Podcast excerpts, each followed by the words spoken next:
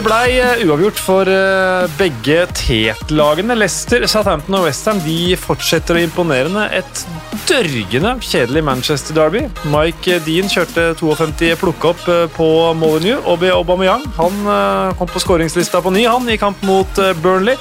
Det kan være et håp for Fulham, for alle tar poeng fra alle, bortsett fra Sheffield United i rollen som unntaket, som bekrefter regelen. Det var vel runden sånn i kortformat, og så skal vi utbrodere litt grann, uh, mer her. Og vi syns det var så hyggelig forrige uke at vi er rett og slett samme igjen, vi. Det er deilig. Ja, Deilig, det. Takk ja. for uh, fornyet tillit. ja, takk for fornyet uh, ja på forespørsel. Og Kasper, deilig å ha deg igjen. Det er deilig å være her, da. Trives her. Jeg trives veldig godt her, faktisk. Ja, ja, ja. Men før vi tar runden, så må vi ta nyheten som kom nå mens vi drakk formiddagskaffen uh, hver for oss, antakelig, som at uh, Gerard Holier har uh, gått bort, 73 år gammel, var med på å på mange måter skape tro igjen på Mercyside da han kom inn i Liverpool. ja, jeg kjente han ikke med alle som hadde befatning med han. Det fins jo ikke noen som har gode nok ord om han, en ekte gentleman, og som på en måte kom inn i Liverpool en, en tid da, da Liverpool på en måte hadde vært gjennom Sunes-perioden. Det var ti år siden de hadde vært eh, det desidert beste laget i, i England, dominert engelsk fotball og, og, hadde hatt den Spice Boys-gjengen uh, uh, og, og, og, Det var på mange nedadgående piler der, da. Mm. Og så kom, eh, kom, han inn, hadde jo en sånn fantastisk sånn cuprunde. Uh, vant ligacup, FA-cup og Uefa-cup samme året. Um, og ja, på mange måter la i hvert fall noe av grunnlaget for, for det som skulle senere skulle bli Rafa Benitez, Champions League, eh, de tingene der, da. Um, ja, så, jeg har jo jeg møtte han et par ganger liksom, i gangene etter, etter kamp. Um, og Noen av de du møter der, de ser over deg, andre eh, ser deg ikke i det hele tatt. Og så er det noen som, som møter blikket ditt og, og alt er imøtekommende og sier hei uansett om man kjenner det eller ikke. Og Gerard Holier var en en sånn type, mm. da. Og Uh, han kom vel inn som, som, delt manager sammen med Roy Evans. Så er det snakk om at det funker aldri, og det funka vel egentlig ikke denne gangen her heller. For det var vel ganske klart tidlig at det var Holier som, som skulle bli sjefen. Ja, definitivt. Mm. Uh, sånn, uh, sånn, var det. Og Nei, som sagt, jeg kjente han ikke, men jeg tok jo en prat da, med en fyr som var fryktelig lei seg i dag, og som ikke bare kjente han, men Eh, som var veldig nære mann, eh, mm. Jon Arne Riise. Jon Arne Riise, det var jo fryktelig triste nyheter som eh, kom i dag med Gerard Holiers bortgang, da. Ja, det var fryktelig trist, og litt, egentlig litt ut av det blå, fordi jeg vet han har hatt sine helseproblemer, men snakka med for en måned siden, da virka alt egentlig ganske ok. Jeg kjente han eh, ikke har møtt på han et par ganger i gangene rundt sånn etter kamper og sånt. Han, han slo meg virkelig som en ekte gentleman. Og det var han. Han var en uh, fantastisk person. Uh, ja, han var en trener og hadde høye krav og, og alt det, men som person og utenom fotballen så var han en som virkelig brydde seg om deg som person, familien din, uh, og var en, en gentleman. og en person alle kunne ringe til og snakke om alt mulig i livet. Så Nei, det er helt riktig. Han var en, utrolig gentleman og en person som alle ble glad i. Og dere hadde kontakt nå, ja, du snakket med meg for en måned siden, du hadde kontakt lenge etter at dere begge forlot Liverpool og sånn? Ja, eh, vi har jo hatt det hele veien, egentlig. Eh, og det er jo litt av typen han er. Eh, at han passer på gutta sine eh, og hører hvordan de har det. og og vi har hatt noen samtaler som har dreid seg om uh, litt uh, andre ting også innen fotball. Men uh, sist så var det bare for å høre hvordan ting står til, og, mm. og det satte jeg veldig pris på at han ringte. Og igjen vise hvordan han var som person. da. Fantastisk. det var jo han som henta deg til, til Liverpool. Hvor, hvor, mye betød han egentlig i din karriere? jeg vet ikke hva jeg skal si. altså alt, egentlig. Fordi jeg var i Monaco når han ville ha meg. og jeg hadde aldri hatt den karrieren jeg har hatt. Jeg hadde aldri fått oppleve de minnene og øyeblikkene jeg hadde i Leopold uten han. Uh, han lærte meg hvilke krav som kreves for, for, for å være profesjonell utøver eh, i fotball. Eh, hvilken jobb som må legges ned. Eh, ikke bare for banen, men også utenom banen. Så jeg vil si han, han, han guida meg videre til at jeg kunne gjøre mine egne steg etter det. Så Uten han så hadde jeg ikke hatt den karrieren jeg har. og så eh, Jeg har fantastiske minner med han som jeg aldri kommer til å glemme. Det beste, da? Det beste er vel eh, Jeg husker jeg var på Anfield for å eh, signere. Eh, da satt jo agenten i forhandlinger med Holier viste meg rundt på Anfield. og da husker jeg vi sto på ene kortsida der, og så spør han plutselig Vi ser til gressmatta, og så sier han bare John, do you wanna play here? og så sier jeg yes, please. Eh, lite, lite, visste jeg da at eh, vi sto midt på The Cop ja. og så utover eh, hele Anfield og grønneste matte jeg har sett. og Eh, ja, en time etter jeg signerte. Fantastisk. Han vant jo masse trofeer med Liverpool, og hadde spesielt den ene, ene sesongen med, eh, hvor han vant det som var av cuper. Hva betød han for klubben? Fantastisk. Han kom inn til klubben eh, med litt sånn fransk eh, tankegang med å endre mye av kosthold og hvordan treningene var og hvordan spilleren levde som profesjonell utøver. Så han betydde ekstremt mye og var starten på endringen generelt i Liverpool. så han har massiv respekt i klubben blant fansen og ikke minst spillerne han har trent. så Jeg har lest litt gjennom nå på sosiale medier. så han, uh, han, er høyt elska og dypt savna. Jeg tror bare folk er i sjokk egentlig at det, at det, det kom så brått på nå. Tusen takk skal du ha, Jon Arne. Hyggelig å, hyggelig å prate med deg igjen. Takk for det. Ja, Vi hører jo Jon Arne her langt på vei bekrefte det du også sier, eh, Kasper, om når du møtte han i gangene og hvilken betydning han har hatt, at han hadde kontakt så lenge. Så, så det er nok en mann som, som, har satt dype spor etter seg. Ja, og passa på gutta sine, sa mm. Jon Arne. Og det er utrolig fint at han fortsatt driver og ringer spillere som han var, eh, var manager mm. Eh, for, og, og høre åssen de har det. Mm. Beskriver kanskje Gerard Holier på en, på en god måte. Mm. Til, eh, til, runden nå, en annen som uh, passer på guttene sine, og som uh, tydeligvis har guttene sine i ryggen, det er José Mourinho. Det ble kun ett poeng på Sellers Park for Tottenham uh, denne gangen her. you need the ball against Palace, sa han. Hvis ikke du dreper kampen, så skjer det som kan skje, og det skjedde. Uh, du kommenterte kampen, eh, jo. Det er jo min favorittfrase for i inngang til eh, gjennomgang av kamp. Eh, og vi kjente Guita er vel mannen som, om ikke stjeler alle overskrifter, så i hvert fall mange av dem. Ja, han fikk jo vist fram både toppnivået og bunnivået sitt, kanskje, i den kampen der. Et... Han mente at det ikke var bunnivå, da. Han mente at det var en fryktelig vaskeball. ja, og det, det, det det er, det er, det sikkert. Det var litt fascinerende å se på se Joe Hart og Guaita snakke sammen etter kamp på vei eh, ut av, ut av banen. Um, for det er ja, det med kroppsspråket at det uh, viser at den ballen flakker da, og, mm. og, har seg i lufta. Så um, jeg vet ikke, men en god Premier League-keeper skal uansett ta den der. Ja det, er, ja, det er en vinkel bakfra som viser at den altså, Jeg har sett baller flakke litt mer. Absolutt. Det var, uh, det var keepertabbe av uh, Guaita. Det kan det ikke være noe tvil om. Men uh, på mange, ikke på mange, på alle måter så gjorde han opp for seg. Han har jo i hvert fall tre redninger som er ekstremt mm. bra, da. Som nesten de tre beste redningene denne runden. Ja, og den siste redningen den har blitt sånn et ikonisk bilde. Eh, den der hvor han eh, ja. strekker, seg opp, ikke, eh, strekker, seg så hardt opp i vinkelen for å ta den ballen at han ikke klarer å titte opp på ballen engang. Mm. Fantastisk. Og får slått den i tverrleggeren, og det var jo en ganske viktig fase av kampen, og helt på tampen der. Så nei, det var, en, det var, faktisk en veldig morsom kamp. Det hadde jeg ikke trodd det skulle bli en så morsom kamp mellom Crystal Palace og, og Tottenham. Igjen meget bra trøkk fra Sellers Park-publikummet. og Apropos fine fyrer, så, så er jo Hodgson og Mourinho fulle av respekt for mm. hverandre. Og jeg likte uh, måten Mourinho pratet om Roy Hodgson på før kampen, og, og, hvordan de opptrådde underveis i kampen. Så det var egentlig en veldig, veldig fin dag på jobb. Også for, for meg. Jeg eh, likte jo at han sa at han skulle holde på til han ble over 70, han òg, Mourinho. Mm. Jeg, gled, jeg merker jeg gleder meg til det umiddelbart Ja. å se han også med sånn José Reiser-reportasje.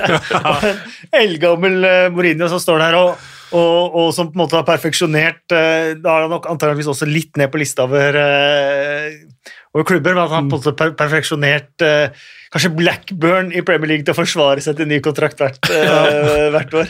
Tenkte han, da, er, da har han fått en eh, sjuende eh, gjenreisning som er altså, Ja, gjenoppstandelse som manager når han eh, bikker eh, Og da har han ligamesterskap med Tottenham på CV nå. Ja, det kan være han får det i 2021. Det endte altså 1-1 i den eh, kampen. Få med resultatet også. Uh, Ese og Saha fantastiske i denne kampen. Det er, det er jo en ny dimensjon av Crystal Palace. Nå, at nå, er det jo, nå har jo Saha fått seg en lekekompis, så nå må man passe på flere enn bare Saha.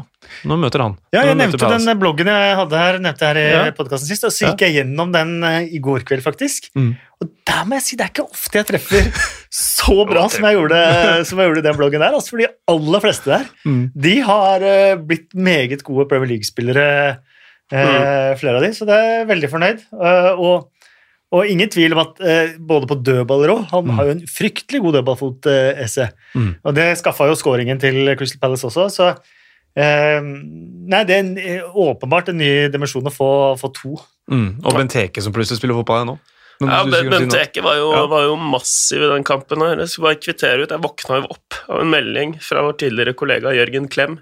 Ese er helt konge. Må jo debutere på A-landslaget til England i 2021? spørsmålstegn. Han dominerte fullstendig QPR. Han og langt MVH Jørgen Klem. Så det støtter også da vår oppfatning. Vi får, ja, uh, for om Southgate støtter opp om det. Du, du, ja, de, det gjør jo det. Southgate var i Manchester og holdt på å stå og sovne. Ja, det, og det skjønner jeg godt. Det var sikkert flere som gjorde det. Men uh, bare for å ta, kvittere ut matchen også. Da, Tottenham uh, virka altså, Marino var ikke sånn gretten etterpå, tenkte at det her kan skje, men uh, er det en kamp de, eh, de burde ha drept, som det heter? Eller killed off på engelsk. Ja, det er vel akkurat det de har slitt litt med, da. Mm. Jeg hørte interessant uh, teori, så den kommer ikke fra meg, men jeg er ikke helt sikker på hvor jeg hørte eller leste den. Uh, men at man har snakket om at fotballen har gått litt vekk fra, fra Mourinho, Mm. Uh, og at han på en måte har blitt litt sånn ut, utdatert etter hvert, og at den fotballen som ikke slapp i mål og som vant titler i Chelsea, og sånn har vist seg liksom ikke funke helt nå lenger. Mm. Men at med korona, med manglende treningsgrunnlag, med så mange kamper, eh, hvor eh, the pressing game, hvor det er mye mindre eh, høyt, eh, høyt intenst press i kampene enn det det var før korona, eh, så har på en måte fotballen gått litt tilbake til Mourinho-spor igjen. altså Det Mm. som kanskje var litt utdatert eh, tidligere, det er på en måte blitt eh, mer up to speed nå. Mm. Eh, Det er interessant, synes jeg var en Mm. interessant eh, teori. Mm. Ja, abso absolutt.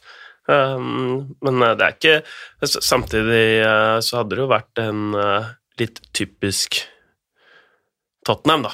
Å ri det her i land, sånn som de har sett ut nå. Nå har de ikke sluppet inn mål på veldig, veldig lenge. Hadde de ikke sluppet inn, inn mål på heller, så det måtte kanskje komme til slutt. Men jeg tenker hvis de hadde ridd inn den 1-0-seieren der, så hadde det vært sånn sesongdefinerende øyeblikk da, på at de virkelig, virkelig er. Titteljagende og mener alvor. Men så har vi også det elementet som eh, nesten Drillos læresetning, da, at eh, det mest undervurderte i fotballen er flaks. Ja. Og det er ikke mye medvind de skulle hatt for å skåre ett til. Det var Guaita i et fullstendig umulig hjørne som gjorde Mm. at de ikke vant den matchen. Ja. Og sånt skjer. Ja, og det er vel sikkert derfor det også reaksjonen var som den var etterpå, fra egentlig, egentlig begge hold. Kane og sånn er oppe i tolv mål kombinert nå. Da har de eh, fire opp til Drogba-Lampard-kombinasjonen, og de har bare én opp til 17 Shearer, som hadde kombinasjon. SAS. Hæ? SAS. Yes. De var eh, De var høytflyvende, de. 94-95. Da vant Blackburn ligaen, så får vi se om det er et eh, omen for eh, Men det er tolv, 12, og de har 24 mål totalt, er det det? Eh, ja, så de så har det er halvparten. Ja, de har Det halvparten, er ja. imponerende, faktisk. Ja, de to har kombinert i halvparten. Det er ikke sånn at de har vært involvert i halvparten til sammen, men de to Mm. til sammen. Meget imponerende.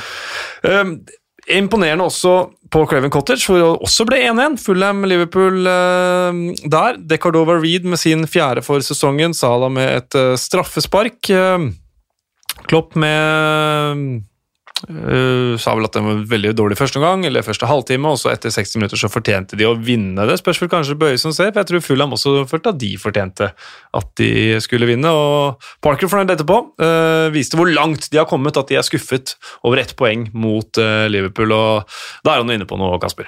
Han har helt rett. Dette er jo et helt annet Fulham enn det som var oppe sist, Mm. føler i hvert fall jeg. Ikke bare er de sånn poengmessig bedre med, men de, jeg syns de er mye mer med i kampene.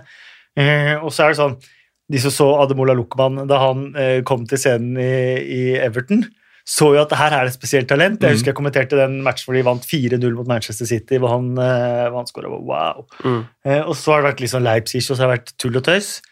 Og så viser det nå at han er en fryktelig god spiller. Det synes jeg er morsomt, og Sammen med Angissa, egentlig, som Ja. kanskje var den eneste jeg falt litt for da de dreit seg ut eh, oppe sist. Da, at du ser at der er en meget god spiller, til tross for at laget rundt han er dårlig. ja. Eh, men han kommer enda mer til sin rett når laget fungerer eh, sånn som det gjør nå. Ja, så jeg, jeg, jeg syns de har et ganske brukbart lag, og de har en god keeper, og de har Anthony Robins, som jeg er veldig, veldig svak for. Så ja, eh, fortsatt litt rask rundt omkring, men, Ja. men langt bedre. Ja. Og overraskende egentlig at de har vært såpass bra. ja, og så solide som de var øh, nå. Det, Men nå gikk det jo rett i strupen på Liverpool. Ja, ja. Ja, kunne skåra flere. Snytt for straffe òg. Ja. Ble det det? Ja, jeg syns det. Du syns det? Har du sett den, jo? Um, ja, og så var de jo heldige med straffen de får imot da. Ja, men den er jo Den er klar. Jeg syns jeg jeg nesten kaller det litt feigt at du slenger opp albuen foran ansikt, snur ryggen til og slenger opp albuen, Ja, i stedet for å ta den med panna ja greit, Da straffen men de, eh, de får mot. Ja da, jo da, men uh, nå husker jeg situasjonen du, du nevner. Mm. eh, han er på ball der.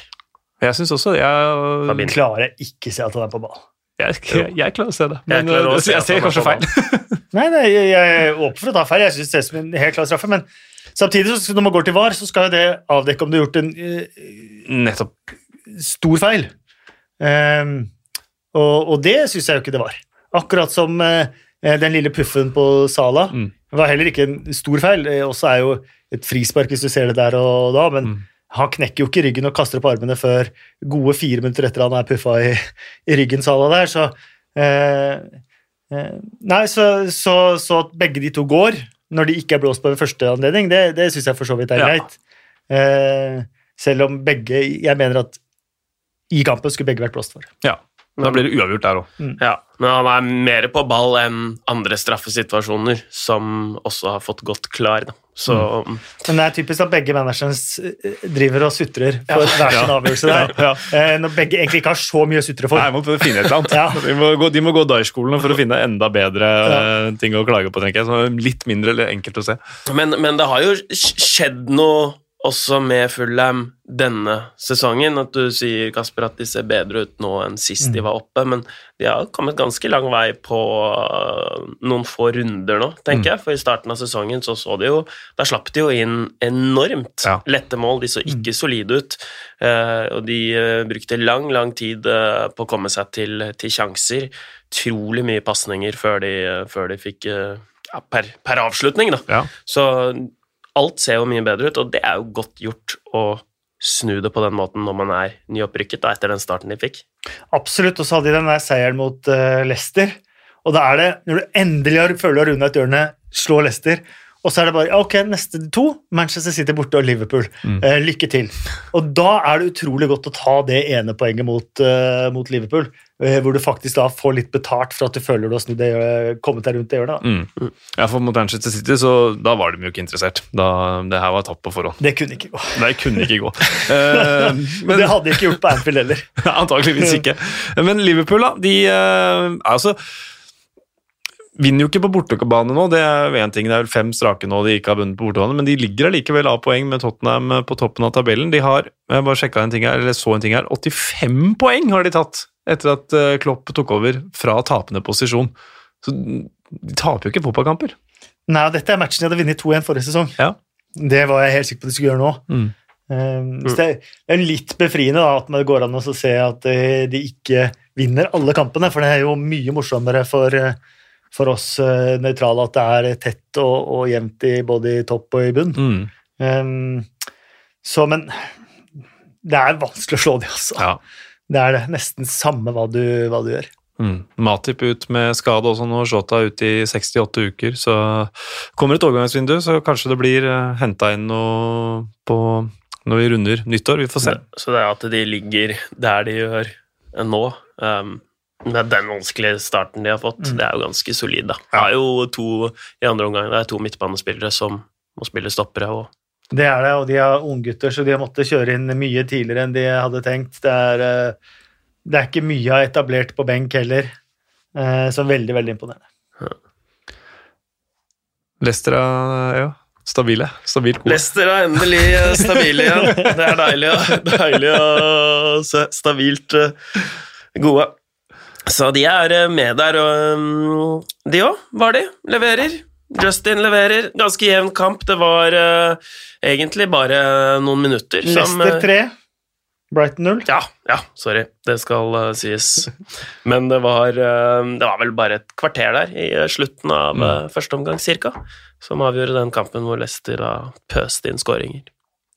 Og James Madison, eh, Kasper, det er jo en, eh, en, en, gutt du er glad i. Og Nei. han er glad i, glad i seg sjøl òg, det liker jeg. Nei, men det er, Han liker like det er noe med med begge at eh, han har jo han har falt mellom en del stoler etter hvert. Mm. Han var jo lenge liksom, å, litt sånn golden nugget og, og tier og scora frispark og var så utrolig spennende ut da han kom opp, kom opp der, men fikk liksom aldri sjansen av Gary Southgate, og så var han i et par landslagstropper uten å få debuten sin. Gikk jo det fryktelig tregt, mente mange, og i mellomtiden der så har Mason Mount, Jack Grealish, Mm. andre som ser kanskje enda mer spennende ut, kommet opp og fått spille på landslaget mens Madison har vært skada. Mm. Og så har han nesten forsvunnet litt ut av hele den eh, diskusjonen. Eh, så sånn sett utrolig godt, sikkert både for han og, og for egentlig folk rundt oss, å også se at han er faktisk eh, for god til å bli glemt. da. Ja. Ja, Det viser jo den ene skåringen hans som er eh, ja, Med venstre. med venstre. eh, flere overstegsfinter, eh, ro der, også med venstre opp i lengste. Så mm, det må jo være runden scoring òg. Så deilig å se at han er litt tilbake med målpoeng. Det var jo ja, det begynner å bli en stund siden, Kasper, hvor du egentlig ikke kunne klare å slutte å prate om han, for du var så begeistra. Ja, Han var jo fantastisk eh, god både da Norwich eh, var elendig rundt han, og da han dro til eh, de første i starten, eller ikke bare i starten, Leicester, han har egentlig vært stabilt god i Leicester egentlig hele veien, før han har hatt, møtt nå siste halvåret året litt motgang. Da. Mm. Eh, Men det er ikke lett å være forsvarsspiller når du har en fyr som kan avslutte benden i vinkelen med begge føttene. Nei, nei, nei, og det var det der, Hvor skal du gå, liksom? Og det var også, Jeg ble spurt om det etterpå, og det var med venstre. Ja, jeg er like komfortabel med begge beina. jeg. Så det, Da har vi en eh, engelsk Santi Casola, det, er, eh, det kan vi like. Eller Andreas Bremen som satte straffespark med begge bein. Eh, Det er kanskje en vill parallell å dra fra Madison til Bobby Breme. Samora har vel også gjort det. Ja, han har kanskje også gjort det, men ikke et VM. Ikke et VM. Nei. Rester, de har ja, ja, ja. Ja, det er kult helt, han òg. Uh, Leicester har vunnet åtte kamper. Det er faktisk ingen lag som har vunnet flere kamper i Premier League denne sesongen enn Leicester. Så hvis ikke det er et tegn på at man er stabilt gode, så vet ikke jeg. Da får vi se, ja. Nå har de, eh, nå har de Everton, eh, Tottenham, Manchester United i de tre neste, så det blir spennende å se. Dette blir jo lakmustesten på om Leicester er stabile eller ikke. Ja. Perioden som venter nå. Det gjør det. Vardi har ti ligamål, han har uh, kun to av dem hjemme. Og så er det Brighton eh, De er- fortsetter å være Brighton, egentlig. Det er ikke så mye mer å si enn det. Ti poeng har de nå. Eh, de skal nok få krige der nede. Nå kom, sniker de seg opp eh, bakfra. Daish og de andre. Ja, hvis man lar seg begeistre over uh, ballbesittelse og, og um, hederlige forsøk på å vinne kamper, så har du Brighton, Da er Brighton denne sesongen. Ja. Southampton 3-0 over Sheffield United. Um, Wilder, vi ble slått av et bedre lag, vi er i trøbbel. Uh, og Hasenhyttel uh, sier vi har funnet mul- mulig, altså løsninger når vi møter lag som ligger lavt. Og Southampton, det, de imponerer runde etter runde etter runde. Altså. Men de har jo oppskriften for lag som ligger lavt, eh, på mange måter. Eh, høyt, høyt press, eh, høy, høy backlinje, eh, ekstremt intense i det de holder på med. Og så Hva skal man si? Om man kan kalle det naiv eller uintelligent, eller hva man kan kalle det, sånn som matchen mot Tottenham, for eksempel, og sånt noe. Eh, hvor det åpenbart er en dødsfelle, eh, det de holder på med, men fortsetter å gjøre det og taper 1-5, da. Var det ikke det som ble Jo, 2-5. Mm. 2-5. Mm. Um, og det gjorde at jeg tenkte at dette her dette kan være morsomt i enkeltkamper, men uh, stort sett ikke, for at det er ganske enkelt å titte på en kamp for andre managere og se sånn skal vi slå Southampton. Da. Ja. Men det, er, det har de tydeligvis ikke gjort. Um, for da tror jeg at det hadde vært mulig å få til bedre resultater mot uh, studenten. og jeg kan ikke si at Hastrup har justert veldig etter den uh, Tottenham-kampen. Jeg syns han kjører nøyaktig samme, eh, samme oppskrift. Så det overrasker meg litt at de får så gode resultater. Men er det, det er jo nesten Hasenhyttel og Southampton oppsummert under han. At mm. okay, han gjør det han har troa på, og viker ikke fra det om du taper 0-9 mot Leicester eller om du taper 2-5 mot uh, Tottenham. Og så har, har styret hele, tydeligvis troa på det. Ved, Ja. Kommer tilbake til det. Altså, så hadde jo Cornelius Normann Hansen her i poden før, uh, før sesongstart, og han sa at Southampton har ambisjoner om å spille Champions League de, innen noen få år. Og da bare må jeg ærlig innrømme at da bare tenkte jeg ja, ok, det, det, dem om det, men uh, nå ser jeg altså, det er ikke, det er ikke noe mulighet, det. Nei, og Det er vanskelig, selvfølgelig, men altså Altså, det, er jo det du sier, og nå skårer jo flotte spillemål, men eh, så er det jo også dødballer. De er ganske rå på, på dødballer, og ikke minst direkte frispark der med, med Ward Prowse, så de har jo masse våpen. Og så Det ser jo litt sånn derre når de kan ha Redman sittende på benken nå, Mm. fordi Walcott har vært veldig, veldig god, så begynner det å se bra ut, da. De har jo et bygd et lag av tidligere Norwich-spillere, så det Funker jo det. funker så bare det. Det er jo øh, det er mange, mange lag som øh, Norwich Som er nyter- farmerlaget Ja, ja. nyter godt av uh, ekstremt god spillerutvikling ja. i Norfolk. det er nok, Jeg tror nok det er dit eh, Southampton-supporterne titter også. Jeg er glad for at vi har fått henta disse folka fra Norwich. Altså. Halvannen det- sesong hadde Ryan Burton som unggutt der. Ja, ikke sant? Så det er jo de eh, dannelsesreisene hans, det. Det er det. Ja, ja, ja, ja. Men det er bra for Southampton, og de må på en måte ha en klubb å hente fra, De også. de òg. De er jo driver jo bra klubbdrift for andre, de. Men det er rart hvordan sånne ting endrer seg nesten fra sesong til sesong. En periode også var det sånn at Norwich henta fra Leeds. Mm. Eh, Det ville vært, nå ville det vært helt utenkelig. Eh, Men jeg hadde mange, fikk mye sånn surt fra, fra Leeds-supportere på Twitter. og sånt, for Norwich enda enda en sånn gullgutt fra, eh, fra Leeds. Hvem var den siste gullgutten fra Leeds Norwich? De henta Johnny Housen, Robert Snodgrass, uh, Luciano Becchio. uh, og hvem, det var en fjerde der også, så de henta fra Bradley Johnson.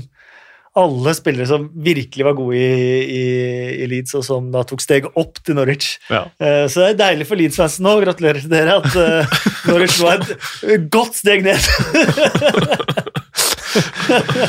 Eh, Anders Garrick Webb han sier at han føler at eh, dette er episoden for å utforske de virkelig store spørsmålene som preger fotballfans eh, over hele verden. Og ja, selvfølgelig Norwich som uh, farmerlag er jo ett av de, eh, de store spørsmålene, men også hvorfor Saints vinner tittelen i år, og Ward Prowse for gullballen.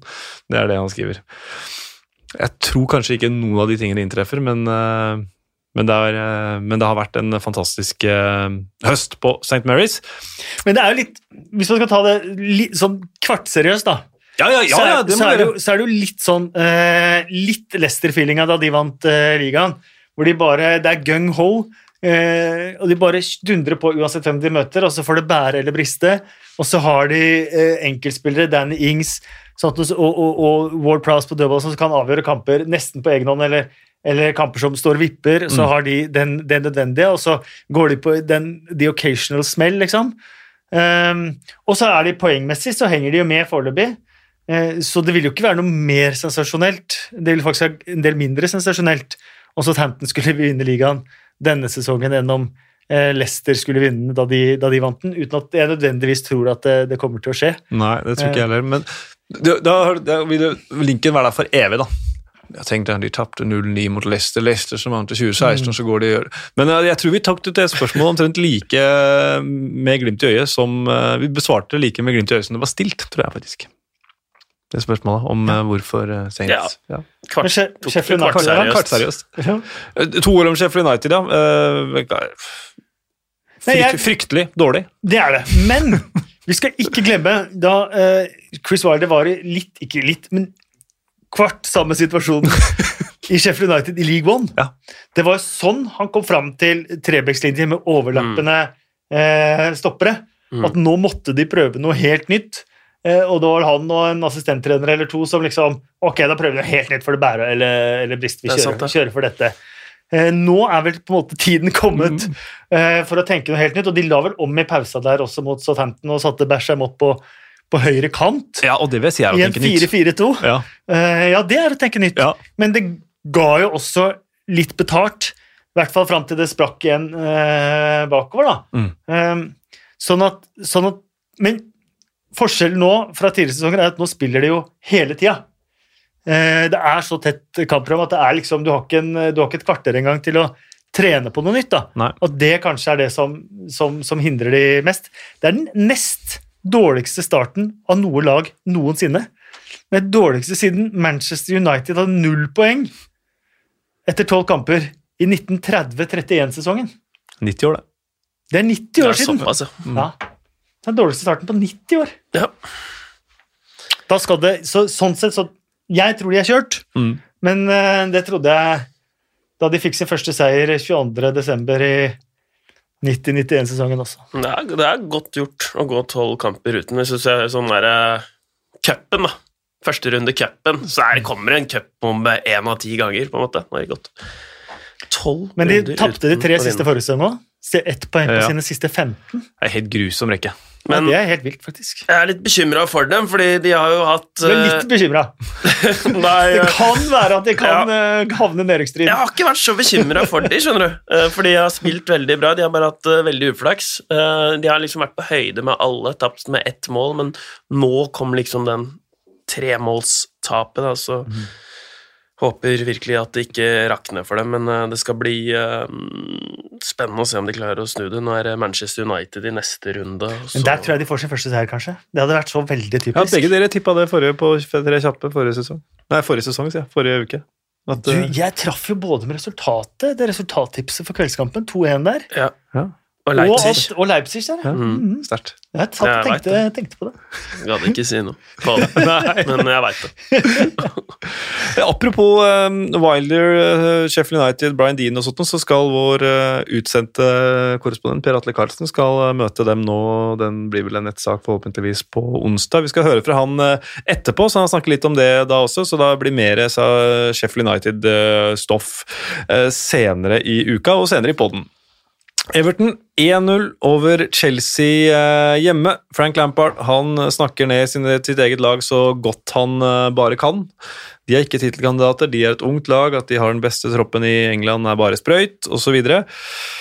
Uh, skjønner jo det, eh, at han eh, selv sier det, men eh, når man ser på papiret, så er det jo et, eh, et brukbart, eh, fotball, en brukbar fotballtropp. Eh, Everton som har eh, slitt i det siste. Endelig en seier.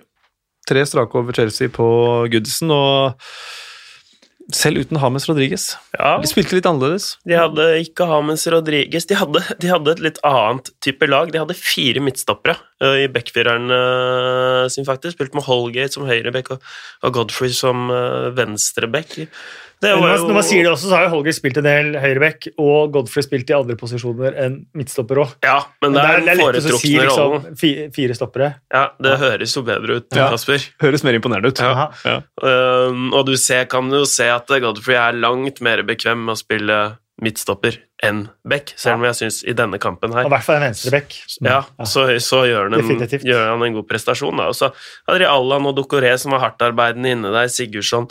uh, så, så det her var uh, et litt sånn hardtarbeidende gamleskolen Everton-lag, og det ser også på skåringen, som jeg syns er helt Helt eh, enormt bra, med Pickford som uten tilløp lemper ballen fra 16 til 16 eh, opp på hodet til Calvert Lewin, som knuser Tiago Silva i lufta, og så er han først på egen andreball, altså som et enmannsangrep, da, og så blir felt av Eduard eh, Mendy, som viser litt eh, svakhetstegn, og så setter straffen av Sigurdsson. Så var det, var et tøft spillende Everton-lag. Det var ikke moro eh, for kantspillerne til Chelsea å møte Holgate og Godfrey. Da. De tråkka ganske greit, greit til der. Men håpløst skipspill. Virkelig. Det er ingen grunn til at han skal gjøre det han gjør. Det er helt ufarlig. Hadde han stått på streket, så hadde det ikke vært en situasjon engang. Men han mm. ruser ut og banker ned Calvert Lewin der. Det virker nesten umotert. Ja. Det, jeg kan ikke forstå hvorfor han gjør det. Han har vært så god, da. Altså, ja, Han var jo god resten av kampen hans. han hadde ikke spilt, han hadde ikke spilt gått, liksom. Gått litt for lenge siden feil hos uh, Chelsea-keepere. Ja, han har jo vært fantastisk Man føler seg jo liksom litt dum når man sier ett minutt før, når man kommenterer kampen, at han har vært helt fantastisk, og så skjer det der. Men, eh, men, du ser jo de keeperne, de er jo litt, eh, de er jo litt eh, løse i strikken, og man avverger jo en del på det her òg, da. Du ser jo Pickford òg er ute og, ute og, gjør mye vilt da, i den kampen her, som han slipper unna med. Men det er jo Pickford. Pickford ja. sliter jo med det der. Det har jo ikke men de vist at han gjør før nå. Det var en grunn til at Pickford ikke spilte på St. James' Park, som jeg husker det var jo ved fordi Robin Olsen skulle få prøve seg. Sist gang han var på St. James' ja, Park og alt bare gikk i ball for ham, ja, ja. inni huet. Men det var ikke derfor. Så, nei, det var ikke nei. Men det er, det er, først og fremst overraskende sterkt av Calvert Louis nå, da. Selv om Men de er Ja, det er bra, han. Altså 99 av 100 ganger så vil Mendy være først på den der og rydde unna. Men Calvert Lewin er ganske rå da, i den situasjonen. Da. Men eh, altså, jeg er enig i at at det blir litt vilt uh, keeperspill. Og det var for så vidt greit å se at han uh, er menneskelig, uh, Mendy, for han syns det har vært enormt mm. bra. da. Chelsea da, de ligger jo fortsatt på femteplass med sine 22 poeng. taper kun mot lag fra Mercyside, og da er det jo veldig mange andre kamper å ta av. Så det ser fortsatt bra ut for Lampards gutter, som møter Wolverhampton i neste kamp. Eh, du var inne på det i stad. Everton mot Leicester i neste der. Det blir, eh, det blir gøy og spennende. Uh, imponerende av Everton. Arsenal. Hvor skal vi begynne? Vi kan begynne med at det ikke er imponerende, og at de taper 1-0 hjemme mot Burnley. og at de Selvmål av Aubameyang. Og at de skader seg sjøl, holdt jeg på å si. med Granit Sjaka og disiplinærproblemer, og det er altså så blytungt. Ja, det er jo eh, Det er, det er hvor han eh, Men eh, de har Jeg er enig med Arteta. De er litt on the top of the, the, game. Altså, de har kontroll på matchen og skaper sjanser før Sjaka velger å kjøre et strupetak der, da. Så de gir jo fra seg kampen. Ja, ja for Sjaka fikk rødt kort. Ja. Eh, sjette røde kortet til Arsenal siden Arteta ble ansatt, er det ikke det? Jo. For ett år siden. Det er eh, dobbelt så mange som noen andre. Da har uh, fått. Og da kan vi begynne å snakke om et disiplinærproblem. Ja, spesielt i og med at uh, El Neni også skulle hatt det røde kortet. Ja. Eh, like etter uh, røde kortet til Sjaka. Mm. Um, men, det er vanskelig ja. å si hvor man skal begynne, for det har, Arsenal har blitt fra liksom Invincibles, hvis man skal trekke, trekke linjene så langt tilbake, et av de to beste lagene i England, til å bli topp fire til å være en del av Big Six, eh, til å eh, ikke være det har, det har, vært en svak nedadgående kurve hver gang, eh, eller nesten hver sesong. Og først, som stod, åpenbart starta under Arsène Wenger, hvor Unai Emery så får du ah, Nå er det kanskje med 20 eller 22 kamper på rad, var det ikke det han hadde uten tap? og så mm. Plutselig er det i ferd med å smuldre opp, og så ser man oi, nå er det ingen som hører på lenger. og så Verdensklassespillere kommer ikke lenger, men de forsvinner i større grad. Eh, så kommer Arteta, og nå ser det bedre ut, og nå han blir mannen som får skikk på det. Men se på det laget her, hvis du skal sammenligne det med veldig mange av de andre lagene, i hvert fall de som kjemper i toppen i, i Premier League. Det er veldig få spillere du vil kalle spillere fra den aller øverste, øverste hylla. Eh, Aubameyang har vært der, han har vært definitivt, men han har kanskje vært en av de eneste. og når Han skårer ikke mål, han heller. Etter at han skrev den kontrakten, så har det vært helt, helt tørt. Ja. Um, og så har du en som Granit Xhaka. Hvis, hvis Granit Xhaka skulle vært den spilleren jeg tror han aspirerer til å, bli, eh, til å være, eller som han vil være, så er det Patrick Vieira. eh, som på må- mange måter hadde Jeg tror han hadde reagert motsatt av det Sjaka hadde gjort i denne matchen. her. Han hadde dratt med seg eh, resten av gjengen ved å krige foran eh, og, og, og vunnet matchen, i motsetning til å ta strupetak, eh, bli utvist eh, og ødelegge matchen for, for resten. Og jeg tror også Vieira, hvis han hadde vært i garderoben der etter matchen, så hadde han sørget for at det ikke skjer igjen, for å si det, for å si det sånn. Eh, Og for Granit Xhaka så er det en historie i seg selv fra denne Crystal Palace-matchen hvor han ble bua av sine egne Ja. og gjorde eh, oppskøende gester tilbake til fansen, til å ha tatt den lange veien tilbake til å bli venner med fansen igjen og, og virkelig vise at ja, dette vil han gjøre. Eh, og nesten Jeg vet ikke hvordan Arsenal-fansen vil reagere på dette, men det virker jo nesten litt som han trekker litt det forholdet som man har brukt lang tid og møysommelig tid på, på, på å bygge opp, til å trekke litt ned i toalettet igjen. Um, så det er, det er dyptliggende problemer i den klubben, og det går jo helt fra ledelsen og folk som ikke vil bruke penger på klubben, og som ikke vil, eh, ikke vil rydde opp ordentlig, da, som bare har drevet med dette plastringa rundt omkring, og da ender opp der du ender opp uh, nå. Og så er Arsenal og Manchester United også en litt egen posisjon, akkurat sånn sett at de har amerikanske eiere, eller eiere som uh, så lenge det er profitt å hente, så er ikke sportslig suksess uh, avgjørende for dem. Mm. Um, og det stiller dem jo i en annen posisjon enn en, enn klubber som, hvor, som er eiere som er avhengig av eh, økonomisk suksess, enten for å hvitvaske ryktet sitt, eller for å, at det er det de ønsker å oppnå med, med klubben. Mm. Eh, og det er selvfølgelig synd for, for fansen som må leve med det. Nei, det er, eh, det er veldig godt uh, sagt. Hva, hva tror du om Arteta nå? Det er helt umulig å si for meg.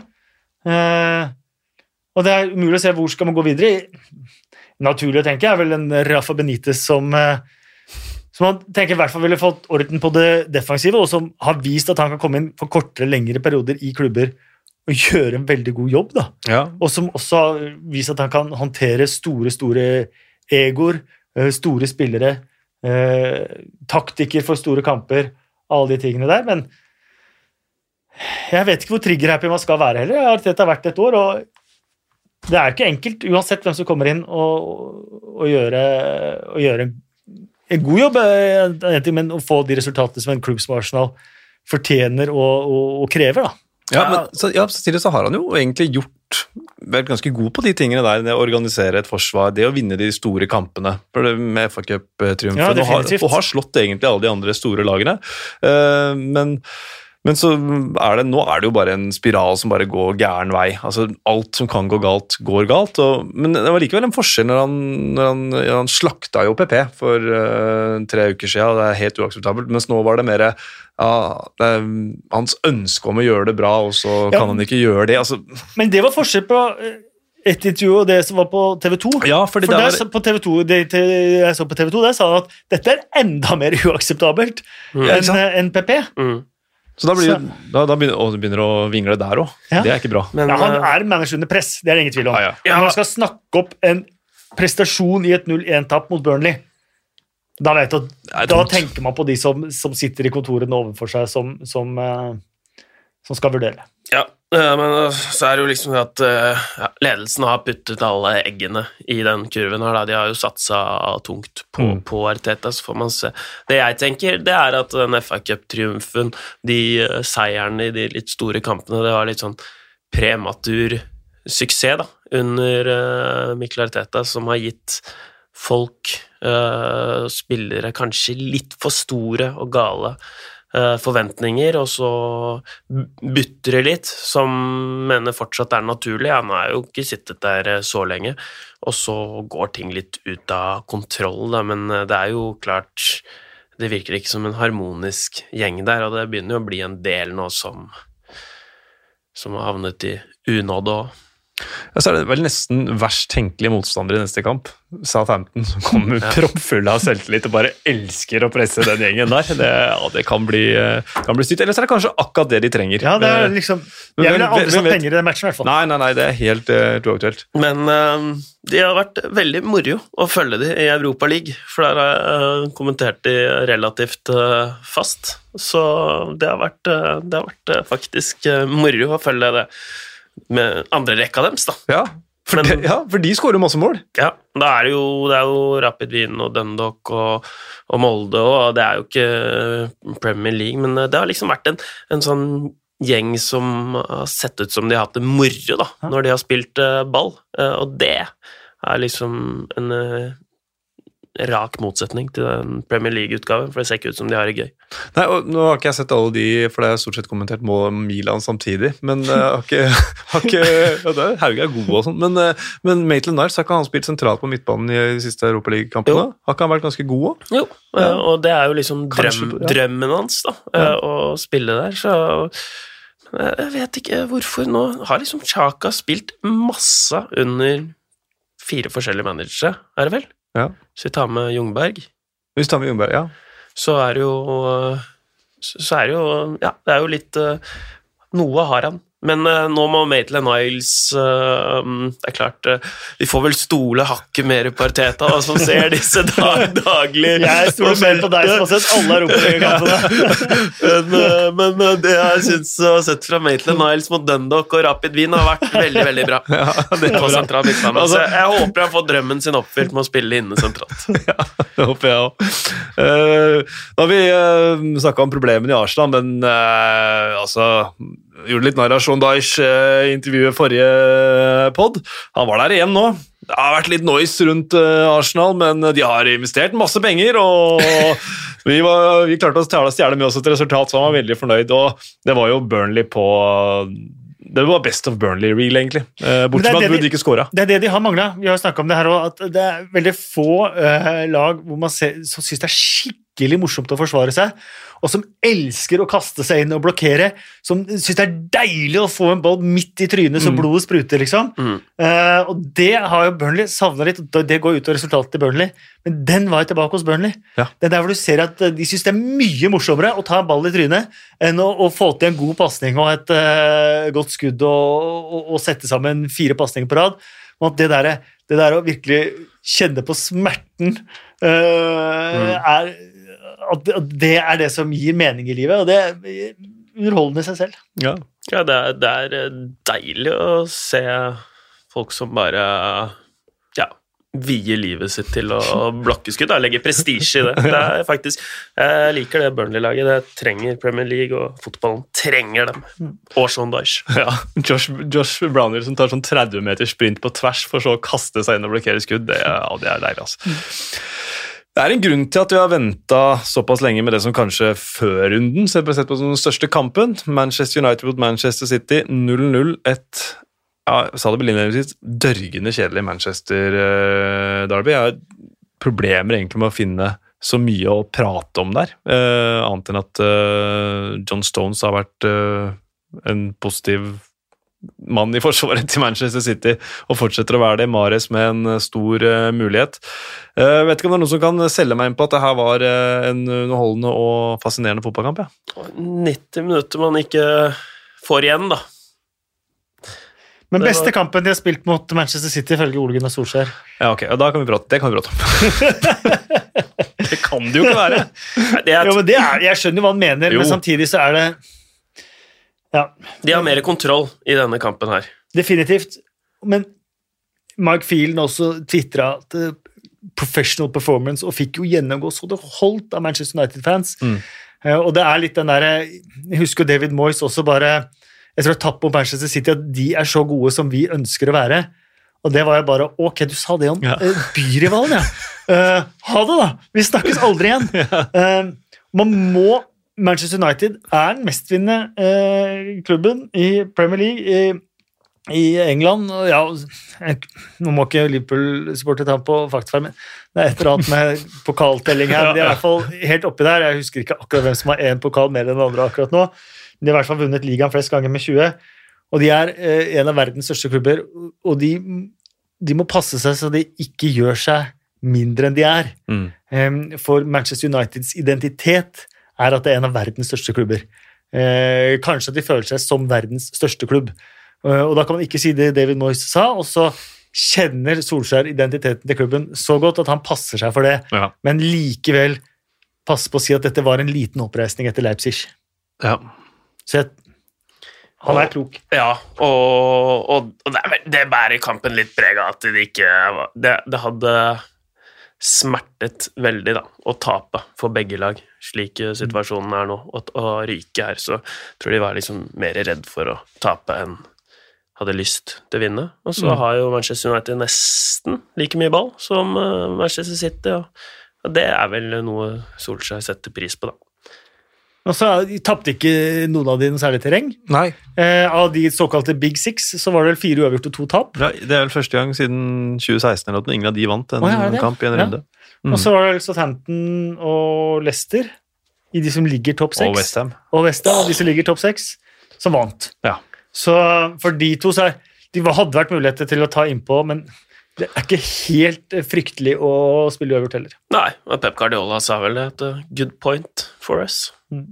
Så det er vel det de, de føler, så greit nok. Man kan jo si som Mourinho etter uh, 1-1 på Sellers Park at um, det er ett poeng mer enn man Ja. hadde før kampen. Ja. Og det er, det er ikke langt opp. Altså, det, er, eh, Nei, det er fem poeng opp for eh, Manchester United, det er seks poeng opp for City, og begge disse klubbene har også én kamp mindre spilt. Så Men Manchester City har nå avgitt like mange poeng som da de vant ligaen eh, Der var det 17-18? ja. Eh, Nei, 16-17? 17-18, ja. Eh, Så hvis de vinner resten, så får de ikke flere poeng enn de gjorde da. Ja, det må være tungt, det må være tungt å tenke på. Apropos David Moyes. Leeds, Westham, 1-2. Klich med, med straffeskåring eh, etter at han fikk to muligheter. Thomas Sucek og, og Bonna med skåringene for Westham. Den var på fredag kveld, og den eh, startet jo med et eh, helt klink klart straffespark. Og et, eh, et straffespark som er ja, nesten, jeg vil si det er dårligere enn Lookman sitt. Det er kanskje blitt en fanesak Nei, det er det ikke. Jo, jeg syns det. Nei. Jo. Var ræva. jeg syns det. Men han får en ny sjanse. Det skjønner ikke David Moyes nå, for han sier at du må ha X-ray-syn for å se at, uh, at uh, Fabianski ikke har foten på uh, streken. Så det betyr at Moyes har X-ray-syn, da, i og med at han sa at han hadde foten på streken. Moyes, altså. Nei, men hvis du ser frysbildet der Ja. Jeg ser jo ikke noe luft mellom hælen og, og stanga helt, så Nei. jeg, jeg, jeg skjønner litt hva han mener. Jeg skjønner hva han mener. det er ekstremt For er det hele hælen? Er det fi, de fire knottene eller to knottene som er i hælen, som begge skal ha planta på streken? Eller holder det å ha en eh, Litt sånn som Hawkeye på, på scoring. Holder det å ha eh, en eh, millimeter av hælen på streken? Mm. Har du hælen på streken da? Mm. Eh, jeg er ignorant som ikke vet dette her. Jeg vet dere det? Nei, jeg vet ikke. Så Nei, um, jeg vil jo tro at det liksom skal være projeksjon da, mellom mm. hæl og linje, at det skal være luft der. Hvis du ser ovenifra, som en, Ja, vi så jo aldri som en ball. da. Uh, Fikk aldri sett det ovenfra. Nei. Nei, så jeg, jeg vet ikke. Uansett, la oss si at det er, det er korrekt da likevel. Eh, Peter Check var vel ekstremt kritisk på Instagram Mm. eh, til at eh, til at eh, det ble, måtte, skulle bli tatt på nytt. Um, skal jeg prøve å finne ut hva Peter Check skrev òg? Ja, og, men, mens du gjør det, så, så Du har jo en lignende situasjon på Old Trafford. Da bytta jo Crystal Palace straffeskytter, men det gjør jo ikke Leeds. Så han skjønte vel at han hadde gjort en uh, slett innsats, uh, Klich. og For har, Leeds har hatt et problem med det, med straffe, å skyte straffer i mål. Jeg syns jeg ser på de der uh, gjennomgangene at han har skåra på én av 15 straffer, og han har skåra på to av, tre, altså to av fire straffer, så eh, Klich er på en måte hovedvalget. Og så må jeg bare si at eh, ok, selv om jeg er litt sånn eh, glimt i øyet David Moyes eh, X-ray vision og sånn, jeg skal slutte nå. Jeg skal slutte å gnåle om David Moyes nå. Jeg er mektig imponert over hva han får til, selv om jeg bærer litt, bitte lite rann nag fortsatt. Nei, Peter Check eh, problematiserer det hvordan en keeper skal kunne redde uten liksom også bevege seg og skyte Ja. liksom framover. da. Og samtidig så har han lagt ut et frysbilde hvor det er vanskelig å se at hælen er så langt foran uh, streken, men han sier eh, «It's easy to criticize without giving any solution, so here it is». Så han mener at det, det skal, eh, dommer skal med sprayen sin lage et bitte lite område hvor keeperen faktisk skal eh, kunne bevege seg Ja. for å redde straffesparket. Og dette her har jo vært problemet med VAR, siden vi starta med VAR. At eh, det oppstår nye problemer som vi ikke hadde før, og problemer som selv om reglene blir fulgt, så oppfattes det feil med tanke på vår idé av fotball. Så vi må komme med regelendringer. Hvor mange regelendringer, og hvor mange, ikke minst, forslag til regelendringer har vi vært innom siden VAR ble innført? Det er ikke rent få. Nei, og det er ikke én kjeft på den arenaen som reagerer på at Fabianski er ute fra streken og redder det Selvfølgelig ikke. Og så kan vi si det var helt korrekt, kjempebra var at de så den eh, syvmillimeteren eh, fra streken, så da fikk vi fulgt reglene godt. Ja. Veldig bra. Men det beste, Sånn skal VAR fungere! ja, men, det, men det beste Det er vise VAR! Ja, ja, var vise tilskudd det har vei. Var vise vei. Men det fikk Sånn vil vi at fotballen skal være. Vi elsker denne fotballen her. Vi går bare inn i detaljer. Men det fikk heldigvis ikke Enkeltsituasjoner. fikk heldigvis ikke noe utslagsgivende effekt, da. For Westham vinner jo kampen allikevel. Og Melier, som potensielt kan bli verdens beste keeper, han må gjøre noen feil på veien dit, i hvert fall. Det må han, og Ja. det er klart han gjør. Det må han få lov til. Ja, Ja, for han gjør noen kanonredninger også. det gjør han. Uh, Leeds de er grusomme til å forsvare dødballer. Westham er drita gode på å score på dødballer, og det er det som blir utslagsgivende i matchen. Ja, uh, Sosjek er jo Det er vel en av de beste hodespillerne i Premier League. Ja, i det er fall, ja. Jeg synes de, de har liksom truffet litt på spillelogistikken her, da, også. Westham med Sosjek og Sjofal Og det er jo liksom Jeg liker, jeg liker litt Westham-laget jeg ser nå. Men det som er morsomt med Westham, sånn sett, er at de flytta, og så har de henta spillere for ganske mye penger, som har sittet hver sommer. Nå! Westham er laget som kan utfordre Big Six Mm. eller Big Four, og nå er Westham, og Westham er aspirerer til å bli et storlag. Men nå var det kommet så langt bare samme hva Westham kjøper, de lurer ikke meg. De kommer til å slite på nedre halvdel uansett. Men nå, endelig, så er de i ferd liksom med å eh, etablere seg litt sånn som et lag som kan være med å spille i kamper. Det er litt morsomt. Det er, fortjener ja, det er veldig gøy. Og nå la jeg ikke ut noen sånn tabelltips på Twitter før sesongstarten, for det mm, glemte jeg. Eh, Men jeg kan bare her og nå si at jeg i en tippekonkurranse har tippa Westham til å rykke ned, og så feil kan man ta. Man kan det. Eh, skal første til å stikke hånda i været. og Vet jo at eh, Supporterne i hvert fall i Norge de har troa på Moyes, og mm, det ser ut til å gå bra. Og så, apropos spillere de har henta, spillelogistikken. Saeed Ben Rama får sin første kamp fra start. Han er og god, viser, ja, og, ja, han er god, vet du. Er som du sier. Og for, han var god, vet du, Ja, i den kampen der. Han, eh, han var jo egen klasse nesten i Championship forrige sesong, Mm. faktisk. Eh, beste spilleren i Championship forrige sesong. Eh, virkelig, altså. Herja for Brentford. Trenger en spiss foran seg, da. Ja, det Ja. hadde han jo Ja, da, ja. i Brentford. Ja, I Brentford, ja. ja. Ja, han sliter litt mer med Ja, alle. ja, sliter litt mer. Men Thomas Sorcek han, han er vel David Moyes sin nye felle er inne Ja. Ja, det er godt, eh, godt sagt. Så kanskje Godt han kan spille spiss? Har jeg ikke tenkt på, men eh, det er det jo. Det er jo akkurat det han er. Ja. Ja, det kan være det. Han er helt rå i lufta.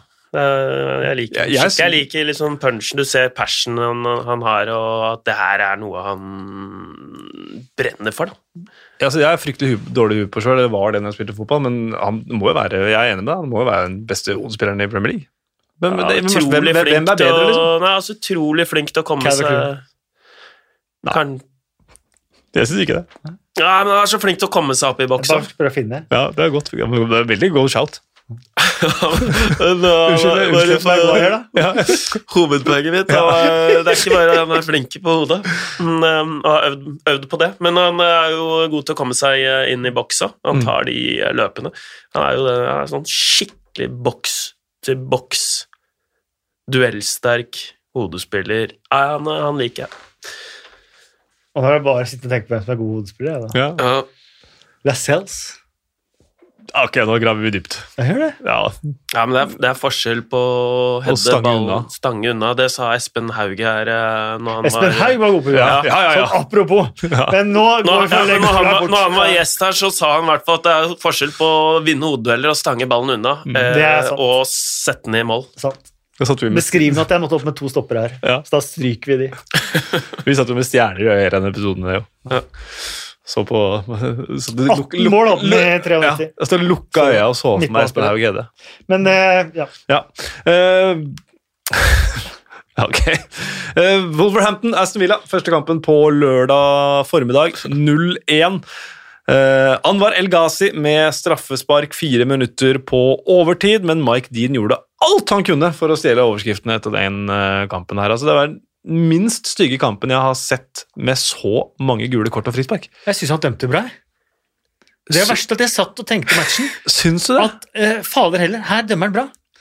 Eh, vi snakker jo at, at det var 38 frispark. Ja. Det meste som har vært på flere år. Det har vært 17 år. 17 år. På, fleste på 17 år. Ja, siden, var eh, siden Everton eh, mot Liverpool. Da ble det, også, da ble det 40 Og. Nettopp. Ja, eh, og man, man kan ikke si at ingen av de var frispark.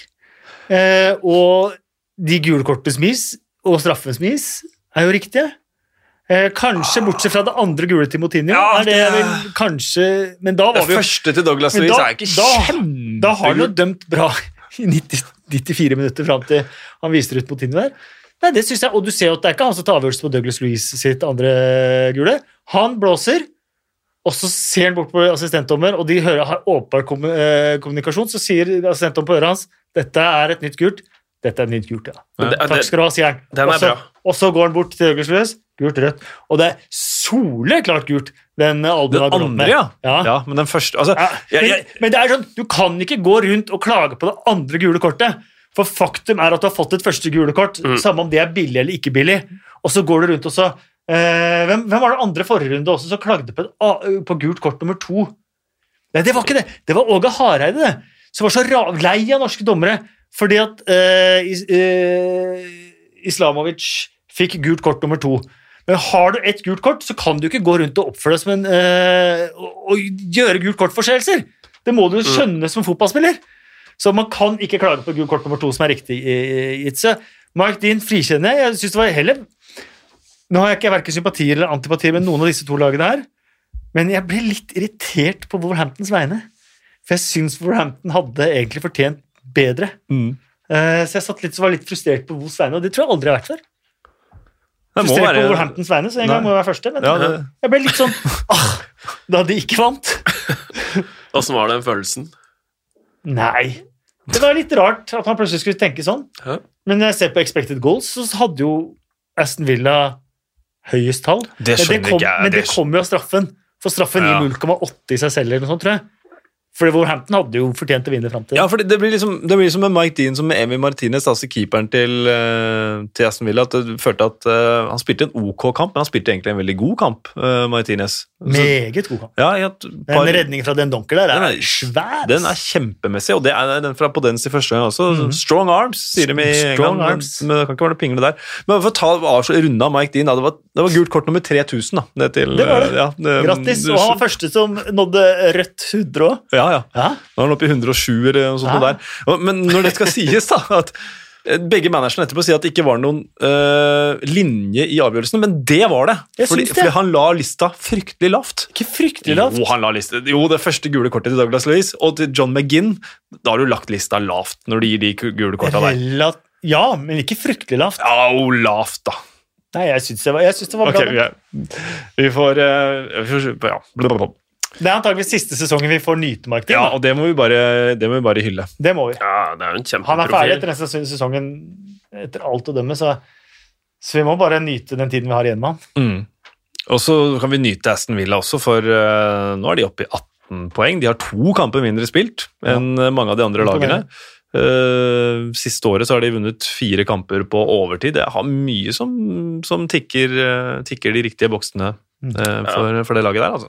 De trenger, men de trenger Ross Barkley tilbake. De er et mye bedre fotballag med, med Ross Barkley, spør du meg. Ja. Så, for da blir Grealish bedre òg. Så Mm. når han kommer tilbake, så, så tror jeg vi kan uh, se en ny gullalder igjen for Aston Villa, sånn som vi så i begynnelsen av sesongen. Men ikke bare det, vi skal ikke glemme heller at Aston Villa er en enorm klubb. Eh, det er jo eh, ikke, ikke unaturlig om de har vært en del av Big Four eller Big Six, eller hva i all verden man snakker om. og Det er jo det er mye det som er grunnen som vi har sett nå. eh, at de store klubbene, de som er Big Six per i dag, eh, prøver å, å opparbeide seg fordeler. Dobbeltstemmer, eh, eh, grabbe til seg mer av inntektene, alt det som vi har, eh, har sett de holdt på med med tanke på denne eh, nødhjelpen til IFL og sånt, Mm. og disse forslagene de har kommet opp med. Eh, Det er jo fordi at dette her har vært en slags levende organisme. Vi har hatt Big Two, Big Four, Big Six. Eh, og det har vært det var veldig få som så at, skulle si at Tottenham skulle være en del av Big Six for kort tid siden. Sammen med Chelsea før Abramovic. Eh, Manchester City. Eh, sånt noe. Og det er ikke unaturlig at Aston Villa eller Newcastle eller sånne klubber kan bli det i framtiden. Eh, men for de klubbene som nå er store, og du ser Arsenal sliter, eh, Manchester United har slitt eh, lenge, så er det ekstremt viktig for dem å sementere at sånn som det er nå, må det forbli for all framtid. Og derfor er den, de forslagene og den utviklingen så ekstremt viktig å stoppe, da, for å gi muligheten også til andre klubber som gjør det bra, og som er store, store klubber. altså. Eh, Holt End på Villa Park, det er, det er utrolig mektig.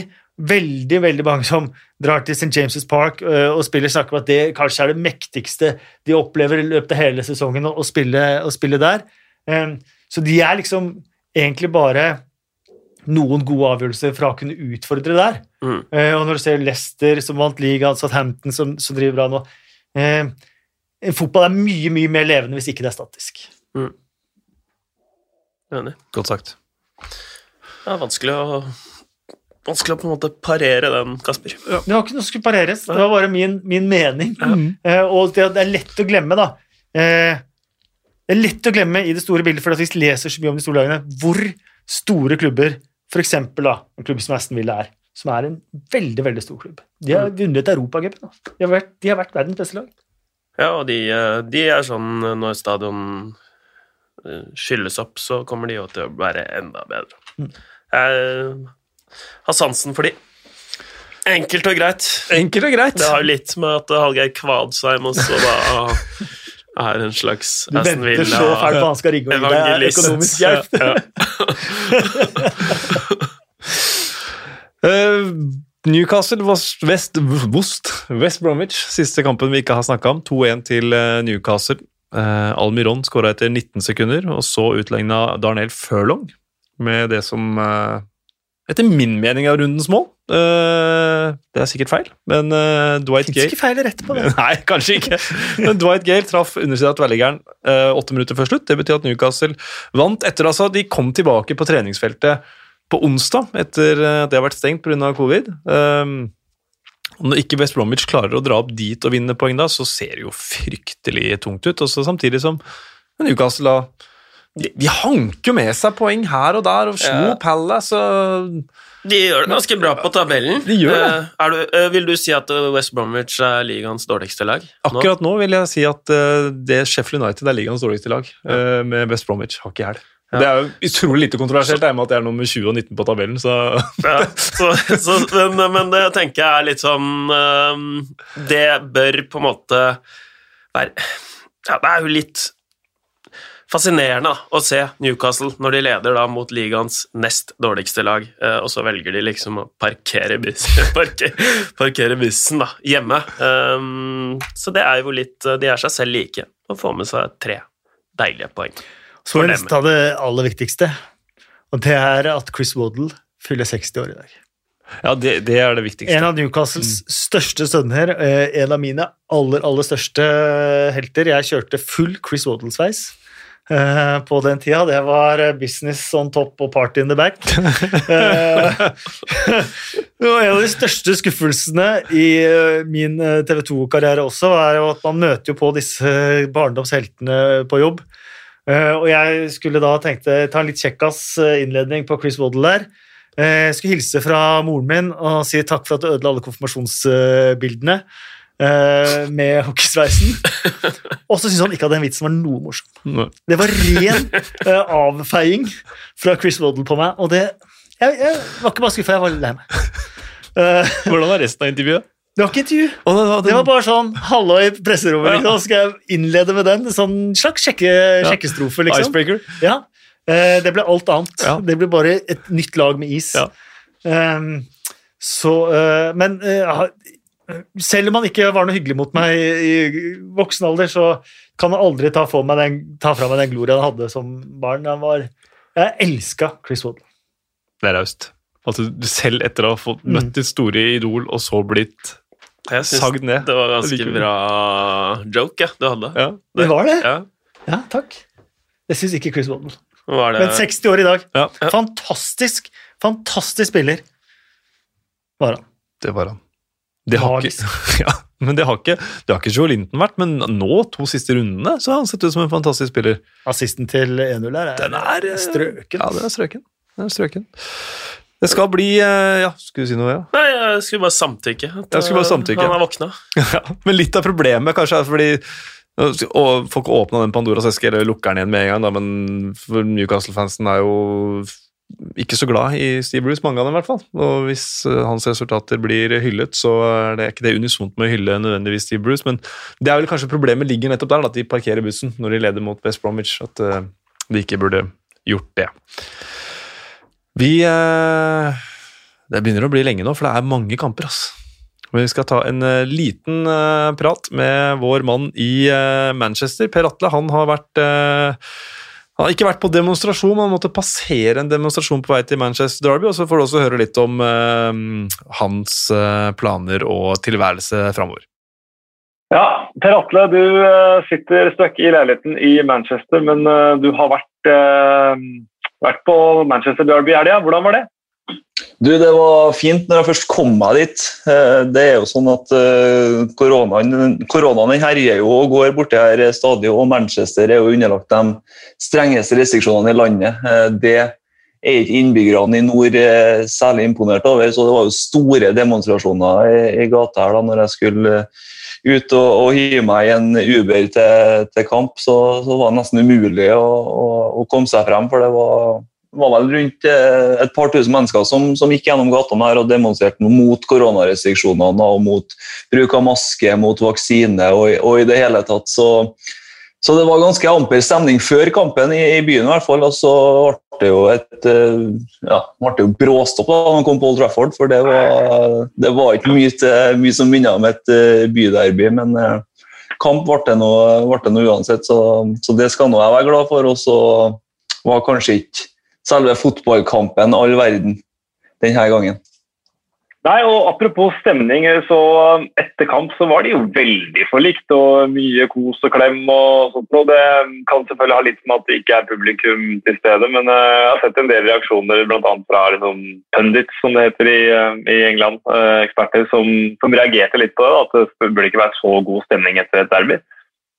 Nei, altså jeg, jeg reagerte litt på det. også. Det, det er to uh, gule kort.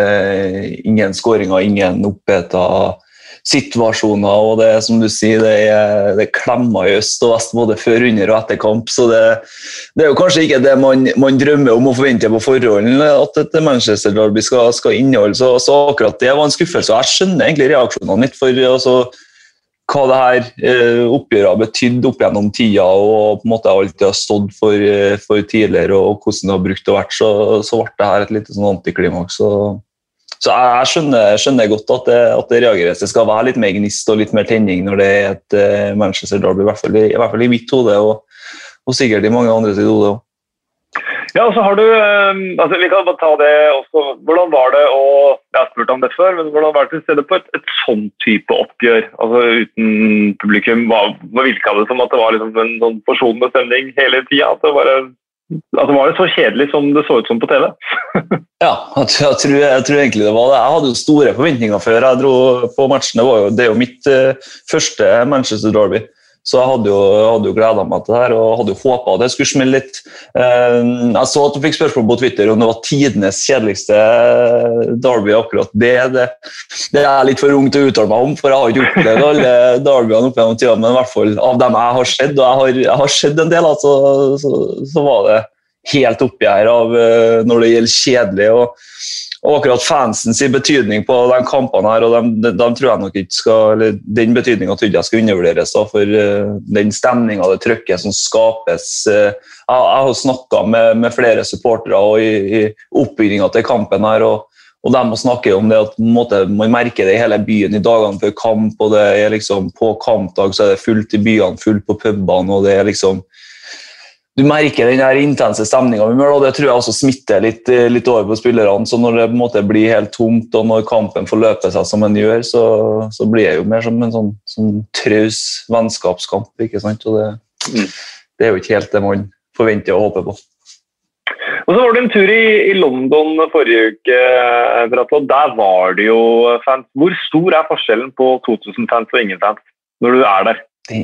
Den er så stor. Den er så stor, den forskjellen, og det hadde ikke jeg forventa. Eh, for jeg, som jeg, var på Westham uh, Manchester United uh, forrige helg. og og tenkte jeg liksom 2000 på London Stadium, hvor mye kan det utgjøre? Det er jo en, en svær, svær, stadion, og det er god avstand til banen da, for å si det sånn, når du sitter på tribunen mm. her. og jeg snakka jo med, med, folk både før, under, eh, nei, før og etter kampen av, av fans som, som, kom til stadionet. og det var jo, Enkelte hadde jo fullstendig overtenning sant, før de skulle gå inn her. og det I'm forever blowing, bubble, forever blowing bubbles, og det, liksom, det var knallgod stemning. Det, men like mye som, som, det å gå på kamp eh, i England, så tror jeg også det betyr noe mer for, uh, for fansen i form av å ha denne dagen å se frem til. Denne ene mm. dagen i uka der man samles med familie og venner. Man gjør det til en sånn heldagsopplevelse, nærmest. da. Um, men i hvert fall når jeg satt eh, på stadion her før, før, kampen eh, eller før kampene på London Stadium så spiller jeg jo denne sangen I'm Forever, blow, forever Blowing Bubbles. Uh, spiller på, på høyttaleranlegget, og når de slo av høyttalerne, og Westham-fansen fortsatte å synge, det var, det var gåsehud fra, fra topp til tås. For det var liksom det var bare 2000, men det var 2000 som sang i frustrasjon og i savnet etter fotball. Ni måneder uten fotball, og det var, ja, det var helt magisk. Jeg har egentlig ikke noe bedre ord for det. så det, det, det, det betyr mye også, de 2000. Det er jeg helt, helt overbevist om. Jeg fikk litt gåsehud når du snakka om det sjøl, Så vi får håpe at, uh, håpe at det får bli flere. Ja, for Det var et spørsmål eh, fra, fra Twitter. Magnus spurte om, man, eh, om de 2000 merkes også på tribunen. så Det har du vel egentlig svart på der. Og så er det vel en avgjørende dato nå, eh, 16.12., for da er det en ny sånn peer-evaluering. er det ikke det? det? Ligger det an til at noen av regionene kan få, noen flere klubber kan få fans på tribunen, som, vet, som du vet om? Så her i, i, Manchester er jo en av de byene som er på det tier 3, da, som er liksom det øverste nivået av, av restriksjoner. og da får de ikke ha fans, men det som du sier på onsdag, så, så skal, det, skal, det, skje en ny gjennomgang. og Litt som det jeg leser av, av, nyheter her i Manchester, så mener jo byrådet i byen at, uh, at nå bør det være såpass at man kan gå ned til nivå 2. Eh, nivå 2 mm. vil jo bety 2000 på tribunen både for Manchester City og for Manchester United. Så, så, det er jo håp da, om at Kanskje for, for United sin del at kampen mot Leeds til helga kanskje, kanskje, skal det bli en kamp der man eh, endelig kan få fans på Old Trafford igjen. Og, og, Manchester United har også alle starta med en sånn her ballot. De har sendt ut uh, invitasjoner til alle med, med sesongkort uh, om at de kan søke på den Leeds-kampen. Altså jeg tror det håpes i det lengste at, uh, at, det, skal, at det skal lettes litt nå. Det, det, tror jeg på en måte innbyggerne i, i den byen her trenger litt òg. For det, Eh, nå begynner det å gå på, på helsa løs, si, og, og, de føler seg litt forskjellsbehandla her i nord. Mm. Eh, og det, det, er jo sånn det ofte har vært opp gjennom tidene. Så vi får bare krysse fingrene og, og, og vente og se. Ja, for, for, for, utenforstående, så Det er ikke langt mellom Liverpool og Manchester. Uh, så får det være fans på Mercyside, men ikke på, i Manchester og, og Burnley og sånn.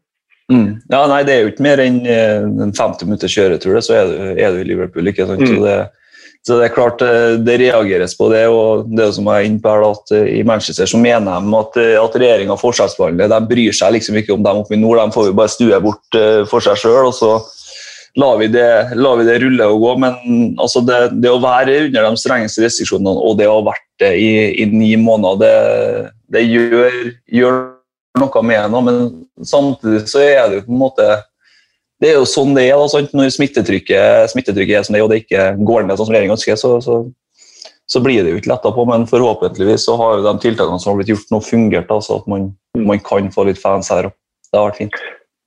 Hva er, eh, hva er, planen din eh, videre i eh, ukene som kommer nå? At Har du noe spesielt på, på, tapetet? Ja, altså Denne uka her så er det jo det er i hvert fall to United-kamper som jeg skal på. Skal på det norske oppgjøret på, på torsdag med Sander Berge og, og Sheffield United mot, mot Solskjær og Manchester United på Bramall Lane. Så det, det er jo en ekstremt viktig kamp for, for begge lag, egentlig. Jeg har jo et eh, mm. Sheffield som ikke klarer å vinne fotballkamper. Så har du et eh, United også, som, som, bør ha en trepenger der etter et par, et par svake, eller litt, litt, mindre gode opplevelser, i hvert fall både i Champions League og, og i ligaen. Så, så, det blir spennende. og også I oppbygginga til den kampen så skal jeg ta en prat med, med Brian Dean, som folk kanskje kjenner fra tida i Sarpsborg. Og, og Chris Wilder, for de var, eh, de var, en del av eh, Sheffield i 1990-91-sesongen. Da hadde 22.12. Eh, så var Sheffield så langt ned på tabellen som du kommer. De hadde fire poeng, fortsatt ikke vunnet en fotballkamp. og Så slo de Nottingham Forest 3-2 på, på Bramall Lane, og så så de seg tilbake. Var det beste laget i England og endte opp på en 13.-plass. Så det, som de sier, som de sier i Trøndelag, it's hope in a hanging snore. Og eh, det er liksom der, det, ja, der det er liv, er det håp. Så, så, man skal aldri, aldri avskrive dem. Så det, det er i hvert fall noe jeg, skal, noe jeg gleder meg til uka her. Den, den matchen her. Og så har vi jo godbiten eh, United Leeds da, på, på søndagen, mm. som, eh, som, jeg også skal på. Så, så det, det, er to, to, fine oppgjør man kan, kan glede seg til uka her. Mm, og forhåpentligvis fans. Noen fans. Hvordan kan, når kan vi forvente å se? Er det i forbindelse med sendinga på torsdag det vil komme, eller vil det komme på tv2.no eller Sumo utover? Vet du noe om det? Uh, når det blir fans, tenker du på? Ja, det, nei, dette med møtet ditt med Wilder og Brian ja, møte, møte, med, møte med Wilder, ja, der vil det i hvert fall komme en, eh, en ganske god nettsak i, i oppbygginga til den kampen. Den kommer vel på forhåpentligvis. så så får vi publisert den eh, på onsdagskvelden, er det som er målet. Eh, mm. Også, men det er jo litt sånn, sånn praktisk, eh, selvfølgelig. Og så får vi forhåpentligvis til en, en TV-sak i oppbygginga til, til, den kampen. Så det er bare å, å følge, med, følge, med, på TV2 ennå fremover, så, så kommer det forhåpentligvis noen godbiter. Veldig bra. Avslutte med et uh, spørsmål her fra, fra Ronny Olsen uh, til Atle. Hvordan uh, har du takla nisseluereaksjonene etter Solbakkens spørsmål til Pep?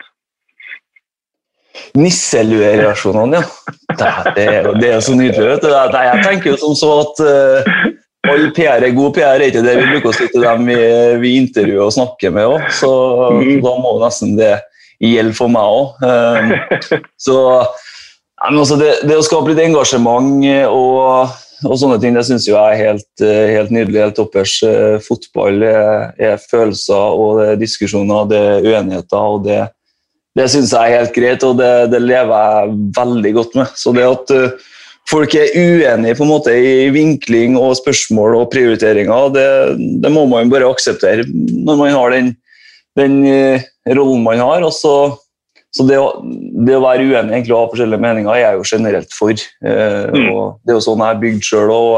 Jeg liker å, å, diskutere ting, og jeg liker å, at folk har andre meninger enn meg sjøl. Og så, så, kan jeg jo diskutere på en, en, konstruktiv måte, og så kan jeg diskutere på en mindre konstruktiv måte. og akkurat hvordan hvordan det diskuteres på alltid det det får nå være litt uh, opp til hver enkelt å, å, vurdere hvordan de vil gjøre det. Men, men så lenge det kan diskuteres på en konstruktiv og voksen måte, så, så er jeg helt, helt for det. Og, og, det å dra på meg nisselue er jeg heller ikke redd for. Jeg har jo jeg har en del småsøsken i tillegg til litt mage, så jeg har god erfaring med å være uh, julenisse på julaften. Så det, det, kan jeg også være andre dager i året. Det lever jeg helt godt med.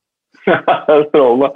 Bratte, tusen takk. Vi, eh, vi, tar en prat igjen uh, veldig snart for å ha lykke til i møte med Wilder, Dean og, og livet i Manchester med eller uten maske. Det er vel kanskje med for din del?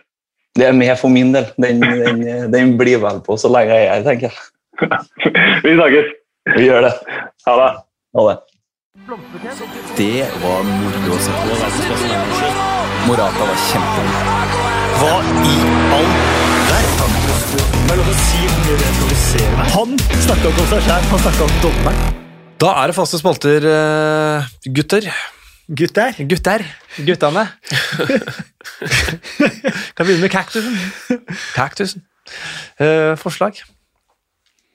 Ja, det er jo Jeg syns jo Chaka han taper jo kampen for Arsenal, og det er ikke det. Det er ikke et eh, rødt kort uh, laget til Arteta trengte i Nei. den situasjonen. Kort og enkelt begrunnet. Jeg er helt enig. Jeg ikke- kommer ikke unna. Nei, gjør ikke det. Det, det gjør ikke det. Eh, Selv om Albert Tuften prøver seg. Kaktus til Pep, for han vil at klubbene skal ha sjanse til å utføre fem bytter og bruke bare ett bytte. Ja, nei, Det er ikke kaktus, men det er jo interessant da, Ja, ja. at han hadde null bytter Mot forrige match. Ja, men da, Mot Fulham trengte han jo ikke, da, for det, også- da kunne vi også gå stokk og vunnet. Ett bytte nå, så han har ett bytte totalt på de siste to kampene. Ja, Det er Det er et paradoks, er ikke det de kaller det? Ja. For- Forskjell mellom kart og terreng. Og med eh, Blomst, da. Blomst. Guaita. Ja, det var, jeg skrev det, jeg òg. Men eh, Ja, jeg kan eh, Crystal Palace sin keeper. Vi kjente Guaita. Litt før det intervjuet hans etterpå var bra. mm, Han snakka liksom ja, det var morsomt å redde, bla, bla, bla, bla. og så bare ja, Molde slapp inn av. Den var, kan du ikke være spesielt fornøyd med. Å jo. ja. Det var veldig, veldig vanskelig Så det, det, det kunne fort skje. Ja, det var en superkamp, eh, så Ja. jeg er enig. Det var eh, Og det er sånn eh, Jeg syns vi er veldig flinke til sånn topp ti-liste med scoringer, og burde kanskje ha en sånn topp ti-liste bra redninger òg, eller? Bør det. For det er ganske gøy å se på Det er gøy å se på ville redninger. ville redninger. Mm. TV-redninger. Er det det? Eh, Eirik Tangstad har egentlig oppsummert hele den faste spalten. her. Jeg må bare ta den nå, for Han mente at Guaita skal få kaktus, øyeblikk og blomster. Kaktus for skåringen, øyeblikket for redningen på Dyers frispark på overtid, og blomster for resten. Kan også argumenteres for ukjent helt. Uh, ikke den som nevnes mest i media, og så spiller han på lag med MacArthur. Så Det er jo gode argumenter, men uh, vi nøyer oss med blomsteret. Ja. ja. Det var gøy, da. Ja. Det er klart. Men og det var en sånn kamp hvor han hadde hele det spekteret Ja, ja. til Tangstad. Bare så Enig. Sorry. Nei, nei øyeblikka. Altså, Jeg er helt på Tangstad-sporet, for jeg har skrevet både Guita som blomst og redningen til Guita på frisparket til Dyer. Du har jo straffespark til Esten Villa òg. Du har I en sånn 0-0-match, eh, fått én mann utvist. eh, Klarer man å holde i det ene poenget eh, selv med én mann mindre? Det er lokalderby, skal ikke glemme det, det heller. Eh, Og så med en mann mindre så får du straffespark som gir deg, gir deg seieren. Sånn Full uttelling. Ja, jeg, Samtidig som det er jo, som du sier, da, litt sånn ergerlig på Wolves sine vegne. Ergerlig på på sine vegne. Ja. Veldig godt for Aston Villas vegne. Ja.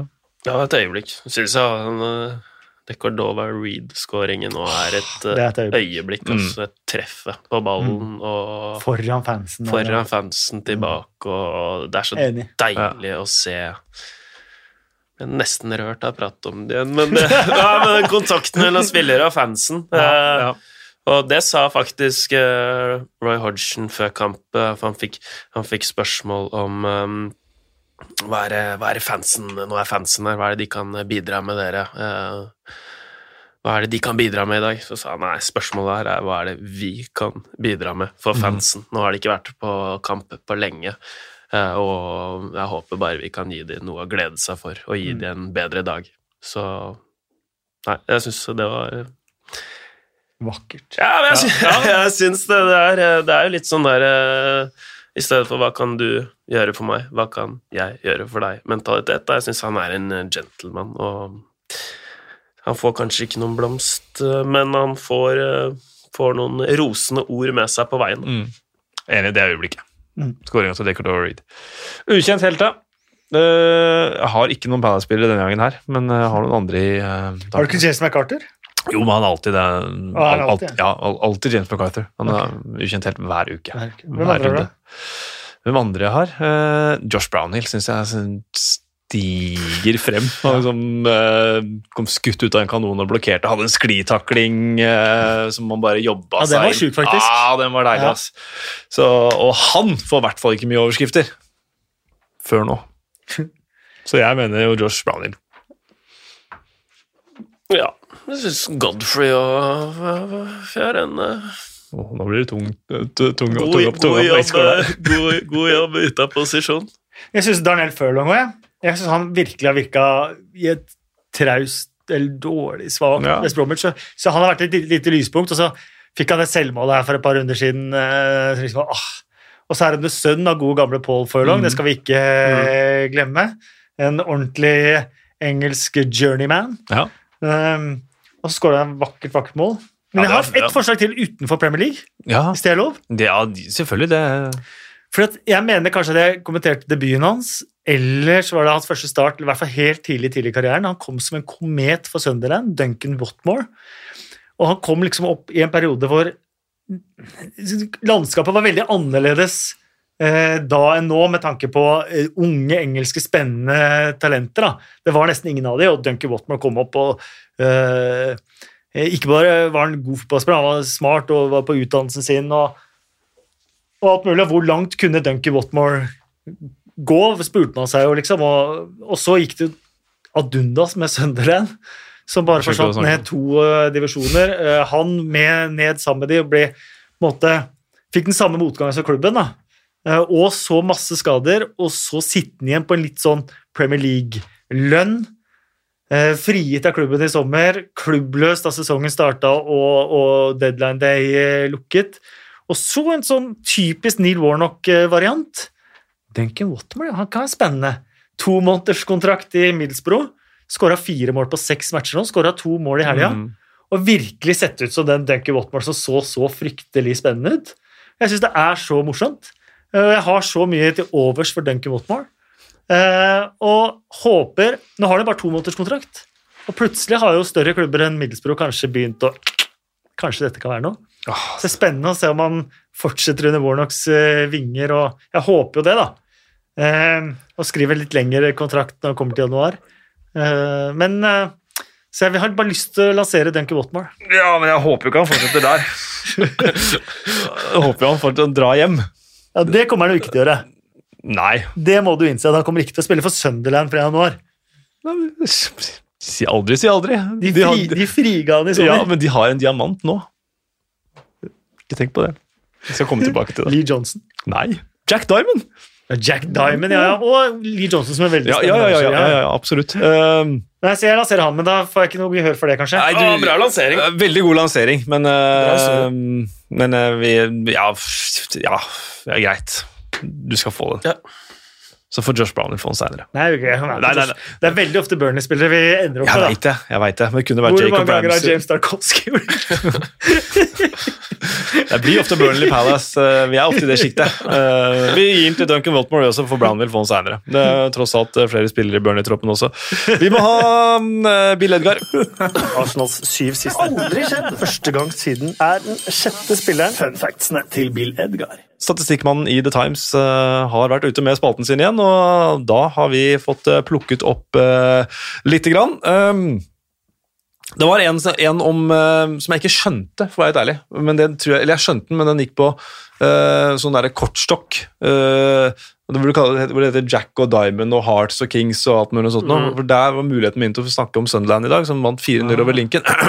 Uh, men uh, da har du allerede gjort det, Kasper, så da trenger jeg ikke å tenke på det. Men Vi kan ta den kampen mellom Wolverhampton og Villa, hvor vi har vært inne på hvor mange kort det var. Men det var første gang på over seks år at to med portugisisk som morsmål ble utvist i samme kamp. Ja, det er ikke verst. Hva var den forrige hvor to med Nei, Ja, Det sto ikke noe om. og det, Jeg er ikke helt Bill Edgar. så jeg Det overrasker meg at det har skjedd før, faktisk. ja, ja, men nettopp det.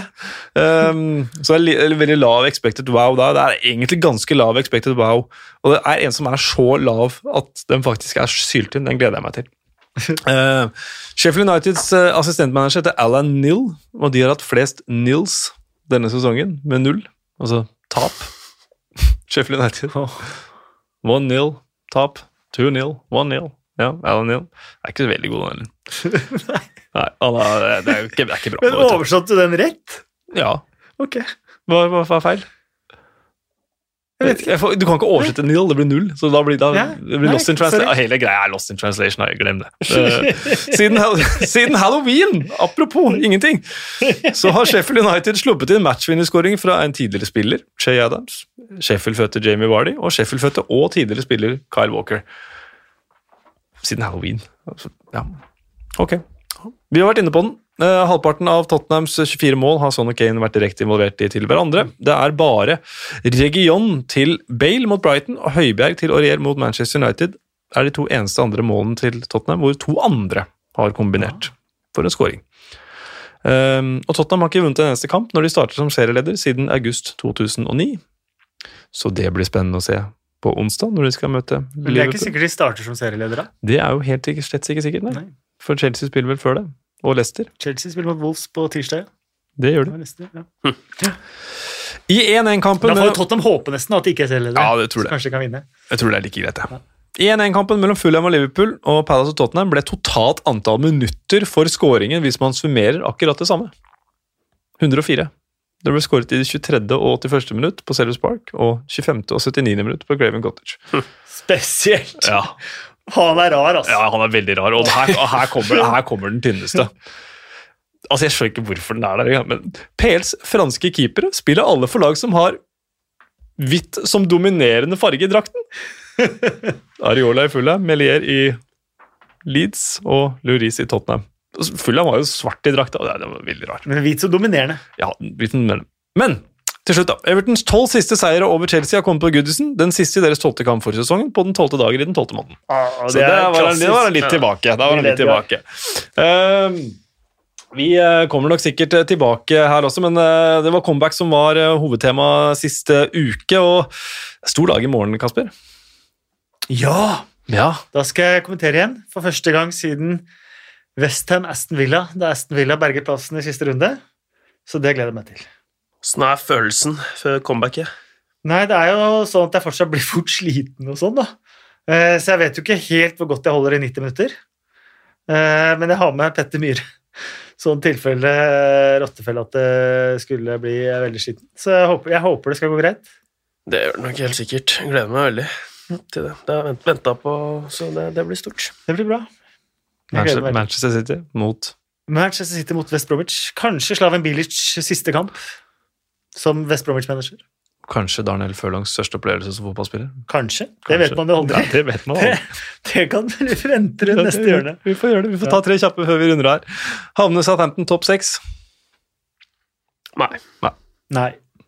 Hvem blir første manager eh, til å forlate sin post i Premier League? Nå- Slaven Bilic. Mikkel Arteta. Oh, hvem vinner Premier League? Liverpool.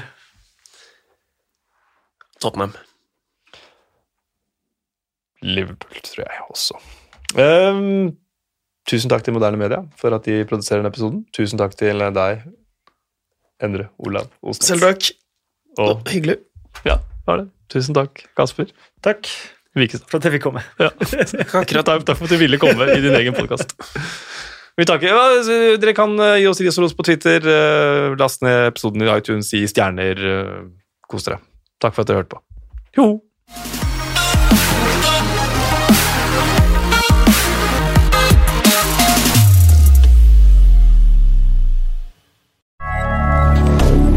Moderne.